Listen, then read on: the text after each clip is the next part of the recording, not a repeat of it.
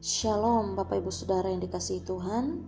Puji nama Tuhan pagi ini kita sama-sama lagi akan merenungkan firman Tuhan. Kita akan mendengar suara Tuhan apa yang mau Tuhan katakan buat kita. Bapak Ibu Saudara eh, kita akan merenungkan firman Tuhan dari Lukas pasal 10 ayat 25 sampai dengan 27 Ini tentang orang Samaria yang murah hati. Ya, ini kisahnya bagaimana seorang ahli Taurat dia mencobai Tuhan Yesus untuk bertanya ya bagaimana caranya memperoleh hidup kekal. Nah, saya akan bacakan dari ayat 31. Ya, Bapak Ibu Saudara, mari kita simak bersama. Lukas pasal 10 ayat yang ke-31.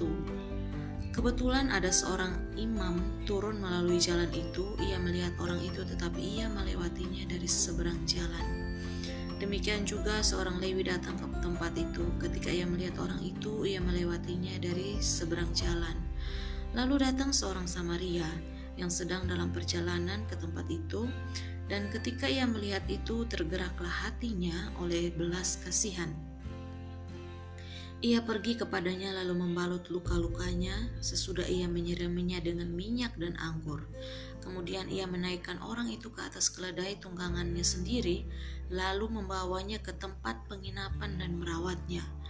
Keesokan harinya ia menyerahkan dua dinar kepada pemilik penginapan itu. Katanya, rawatlah dia dan jika kau belanjakan lebih dari ini, aku akan menggantinya waktu aku kembali. Ayat 36 Siapakah di antara ketiga orang ini menurut pendapatmu adalah sesama manusia dari orang yang jatuh ke tangan penyamun itu? Ini pertanyaan Tuhan Yesus kepada ahli Taurat ya. Ayat 37, jawab orang itu, orang yang telah menunjukkan belas kasihan kepadanya. Kata Yesus kepadanya, pergilah dan perbuatlah demikian. Ya, sekian jauh pembacaan firman Tuhan. Tema kita di pagi ini Bapak Ibu Saudara, lihat dan lakukanlah. Saya akan membacakan sebuah kisah pendek. Ada seorang Francisco Venegas. Dia adalah seorang penjaga sekolah di Colorado. Kemudian dia mulai mengamati anak-anak yang sedang asyik di tempat bermain. Dia melihat seorang anak perempuan yang 9 tahun umurnya terjatuh dari bangku tanpa sebab yang jelas. Nah, kemudian dia melihat wajah anak ini berkerut aneh. Nah, ketika melihat ada yang tidak beres, Francisco ini melaporkan apa yang telah dilihatnya ke kantor sekolah. Nah, beberapa hari kemudian anak ini tiba-tiba mengalami serangan stroke dan dilarikan ke rumah sakit. Berdasarkan informasi Francisco, dokter pun memutuskan untuk melakukan scan otak. Dan benar, mereka menemukan tumor. Syukurlah, anak ini kemudian berhasil dioperasi dan kemudian sembuh.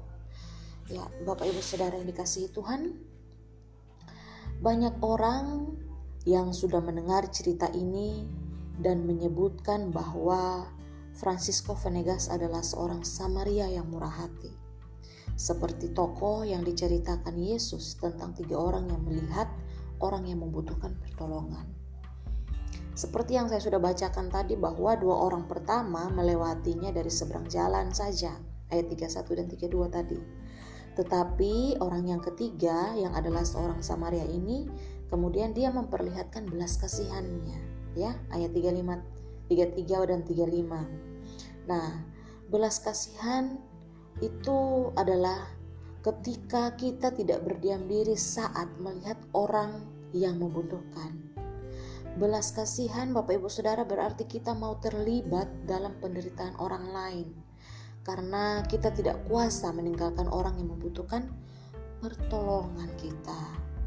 Nah, belas kasihan ini timbul dari hati sebenarnya yang terarah kepada Allah kemudian kepada sesama ya orang-orang sesama kita yang menjalani kehidupan sekarang ini. Nah, kisah Yesus mengenai orang Samaria yang murah hati ini kemudian diakhiri dengan satu perintah bagi kita Bapak Ibu Saudara.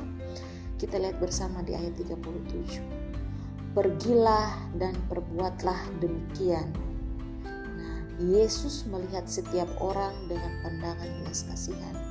Kemudian dia memanggil kita untuk melakukan hal yang sama. Nah, mari kita tanya kepada diri kita masing-masing Bapak Ibu Saudara, maukah kita seperti Yesus atau maukah kita seperti orang Samaria yang bermurah hati, yang ringan tangan, mengulurkan tangannya kepada orang yang membutuhkan. Bapak Ibu Saudara, ketika kita melihat orang susah dan hanya dan kita hanya menceritakan saja, ini bukanlah ciri orang yang punya belas kasihan. Yang benar adalah ketika kita melihat, kita bertindak dan menolong.